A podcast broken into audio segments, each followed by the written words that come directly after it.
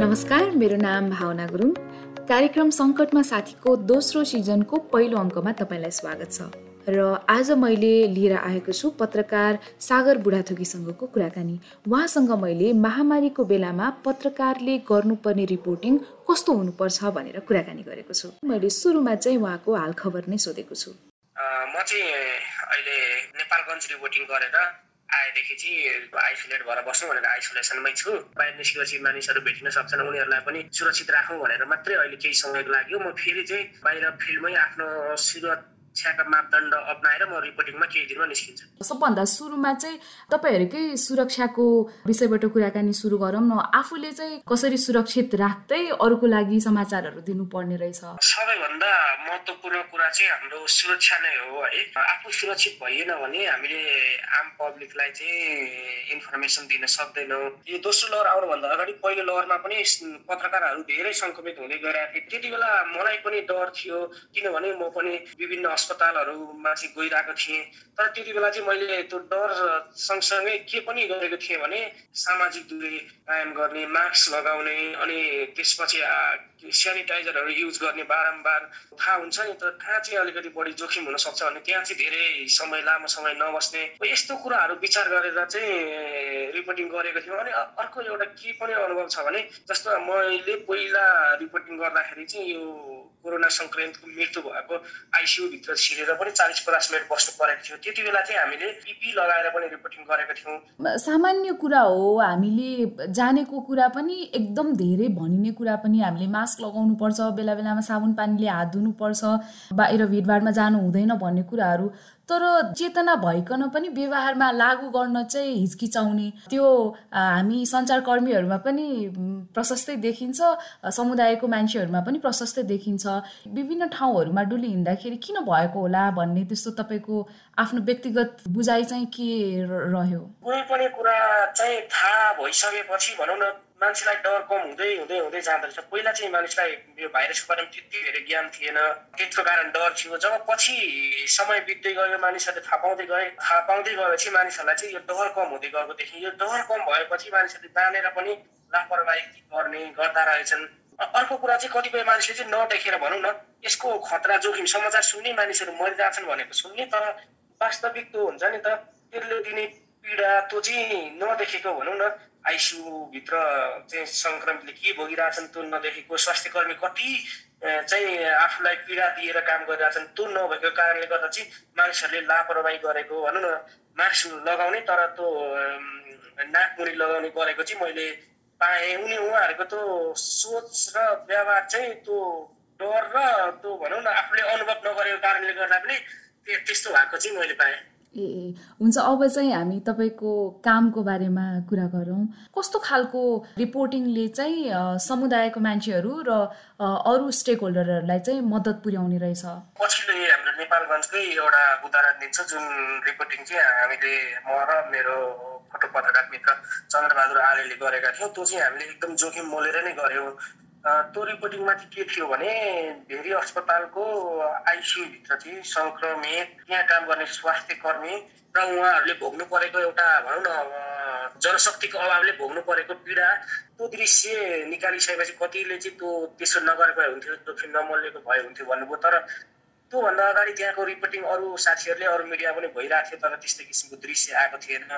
त्यो नआएको कारणले गर्दा त्यहाँ जनशक्तिको अभावै भइरहेको थियो। भनौँ न राज्यले केन्द्रबाट प्रदेश सरकारबाट कुनै पनि सहायता गइरहेको थिएन। तर हामीले त्यो दृश्य निकालिसकेपछि त्यसको भोलिपल्ट नै त्यो जनशक्तिको अभाव पूर्ति हुने गरी असीजना जनशक्ति भेरी अञ्चल अस्पताललाई चाहिँ दिने निर्णय भयो स्वास्थ्य मन्त्रालयबाट। त्यसै गरी लुम्बिनी प्रदेश सरकारबाट पचास लाख रुपियाँको बजेट। त्यसै गरी हिजो मात्रै नेपालगञ्ज उपमहानगरपालिकाले आफैले चाहिँ आइसोलेसन अक्सिजन बेड सहितको आइसोलेसन चाहिँ बनाएर सञ्चालन गरेको छ। यो मैले यो उदाहरण किन जोडेको हो भने त्यति बेला हामीले गरेको रिपोर्टिङ चाहिँ कस्तो थियो भने त्यहाँका चिकित्सकहरूलाई गाली गरेको थिएनौँ त्यहाँका अस्पताल व्यवस्थापकलाई गाली गरेको थिएनौँ। त्यो सङ्क्रमितको कुरोलाई किन छिर्न दिइस् भनेर हामीले क्वेसन गरेको थिएनौँ। हामीले के गरेको थियौँ भने यहाँ चाहिँ जनशक्तिको अभाव भएको कारणले यो यो बाध्यता छ। यो कारणले चाहिँ सङ्क्रमितहरू धेरै मरिरहेका छन् है भनेर रियालिटी देखाइदिएको थियौँ। त्यो कारणले गर्दा चाहिँ त्यहाँनिर भनौँ न त्यो एक किसिमको जे समस्या थियो त्यो समाधान भयो। मैले भन्न खोजेको चाहिँ रिपोर्टिङहरू गर्दाखेरि चाहिँ हामीले त्यहाँको आवश्यकता के हो? के गर्दाखेरि चाहिँ त्यहाँको समस्या समाधान हुन सक्छ? त्यो सेन्सेसनल गर्ने कि त्यहाँको रियालिटी देखाउन देखाएर चाहिँ त्यहाँको समस्या समाधान गर्नतर्फ लाग्ने भन्ने किसिमले यस्तो किसिमको रिपोर्टिङ गर्नुपर्छ। अनि त्यसै गरी अलिकति यो धेरै डर फैलाउने किसिमको रिपोर्टिङहरू पनि आइरहेको देख्छु म।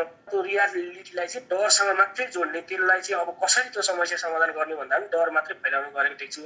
त्यो बेलामा चाहिँ हामीले भाइरस त अब सधैँ यसरी भइराखेको कुरा होइन। यो भाइरसको विस्तार रोक्न त हामीले केही नियमहरू पालना गर्नुपर्छ भन्ने कुरा जस्तो हाम्रो पब्लिक हेल्थ एक्सपर्टहरूलाईसँग कुराकानी गरेर के गर्दाखेरि चाहिँ यो मृत्युदर घटाउन सकिन्छ भनेर यस्तो यस्तो कुराहरू जे जे हामीहरू समस्या छ त्यो चाहिँ समाधान गर्न सक्ने उपायहरू चाहिँ हामीले हामीसँग भएका विज्ञहरूबाट नै लिएर यो समस्या छ। राज्यले यो समस्या समाधान गरेर के के गरिरहेको छ भने राज्यको तर्फबाट विज्ञहरूको तर्फबाट चाहिँ के के गर्दा चाहिँ समस्या समाधान हुन्छ भन्ने अनि जो चाहिँ यो जोखिम भोलि भोगिराख्नु भएको छ स्वास्थ्य कर्मी अस्पतालहरू उहाँहरूको समस्या के के छ भनेर हामीले चाहिँ रिपोर्टिङ गर्दाखेरि तिन चारवटा पक्षहरूलाई हेरेर उहाँहरूको सबैको कुरा ल्याउन सके चाहिँ त्यो ठाउँको समस्या समाधान हुने पब्लिकलाई सजिलो हुने हुन्छ होला जस्तो लाग्छ मलाई। अर्को कुरा चाहिँ जस्तो सामान्य अवस्थामा भन्दाखेरि यो महामारी आपद विपदको बेलामा गरिने रिपोर्टिङहरू चाहिँ कसरी फरक हुने रहेछन्? तपाईँले नै आफूले व्यवहार त कस्तो खालको फरकपन काम गर्ने तौर तरिकाको कुरा म गर्दैछु होइन? फरक पनि ल्याउनु भएको छ। हामी पेसागत रूपमा सधैँ गम्भीर हुनै पर्छ तर यो बेलामा चाहिँ अलिक डबल गम्भीर हुनुपर्ने भनौँ न। सानो इन्फर्मेसन चाहिँ अलिकति मात्रै गलत दियौँ भने चाहिँ त्यसले मानिसलाई पढ्न सक्ने असर चाहिँ एकदम ठुलो हुने रहेछ।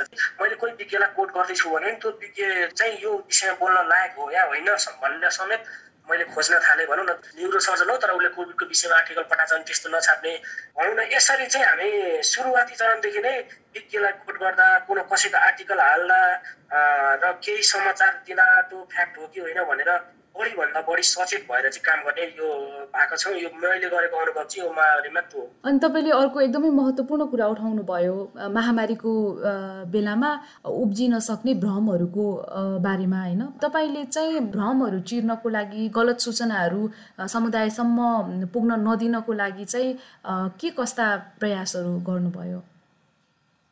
यो विषयमा चाहिँ जस्तो हामीले हामीले विभिन्न किसिमको भनौँ न उहाँहरू डाक्टर नै हुनुहुन्छ तर उहाँहरू चाहिँ कोभिडको विषयमा बोल्न चाहिँ दक्षता राख्नु त्यस्ता किसिमको डाक्टरहरूले आर्टिकल धेरै पठाउनु भएको थियो त्यो हामीले छापेनौँ अनलाइन खबर हामीले छापेनौँ। त्यसो हुँदा त्यो आर्टिकल अरू मिडियामा आयो जुन चाहिँ एकदमै फ्याक्चुअल इरर थियो।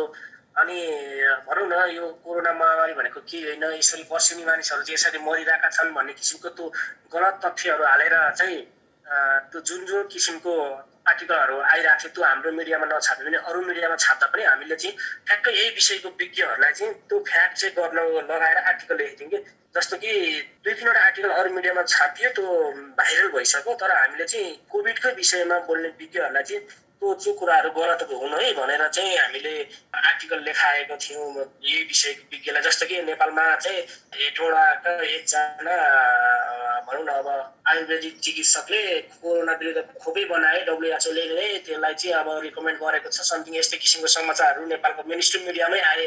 हो त्यस्ता समाचारहरू चाहिँ हामीले खोप कसरी बन्छ खोप बनाउ के के गर्नुपर्छ कस्तो कस्तो चरणहरू पार गर्नुपर्छ भनेर हामीले चाहिँ यो भाइरोलोजिस्टहरूसँग भनौँ न खोप सम्बन्धी काम गर्ने विज्ञहरूलाई नै आर्टिकल लेख्न लगाएर चाहिँ हामीले भ्रमहरू चिर्न कोसिस गरेका थियौँ। जब गलत समाचारहरू अथवा भ्रमहरू फैलिराखेको हुन्छ त्यसलाई चिर्ने एउटा राम्रो उपाय भनेको नै सही सत्य समाचारहरूलाई चाहिँ बढीभन्दा बढी दिनु नै हो।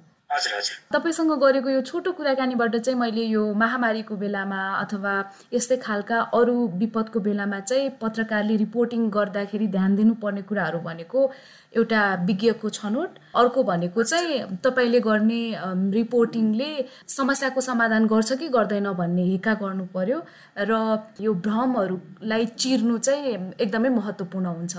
मैले यसरी बुझ्दा हुन्छ हामीले बुझ्नुपर्ने कुरा नै त्यही हो र सबै पत्रकारहरूले रिपोर्टिङ गर्दा चाहिँ म यो यो रिपोर्टिङ के को लागि गरिरहेको छु? मैले चाहिँ आफ्नो मिडियाको भ्युज बटुल्नको लागि गरिरहेको छु कि केही समस्या समाधान गर्न सकियोस् अथवा चाहिँ सरकारवालाहरूको नपुगेको भनौँ न नजर चाहिँ यहाँ पुगोस् भनेर गर्न खोजेको भन्ने कुरा चाहिँ स्पष्ट भएर गर्नुपर्छ। हुन्छ सागरजी आफ्नो अनुभवहरू बाँडिदिनु भयो तपाईँलाई धेरै धेरै धन्यवाद। हस् धन्यवाद। सङ्कटमा साथीको दोस्रो सिजनको पहिलो अङ्क आजलाई यति नै। कार्यक्रम कस्तो लाग्यो तपाईँले हामीलाई सुझाव सल्लाह चाहिँ अवश्य नै दिनुहोला। तपाईँले हामीलाई सङ्कटमा साथी भनेर खोज्नुभयो भने सामाजिक सञ्जालहरूमा भेटाउन सक्नुहुन्छ। नमस्ते।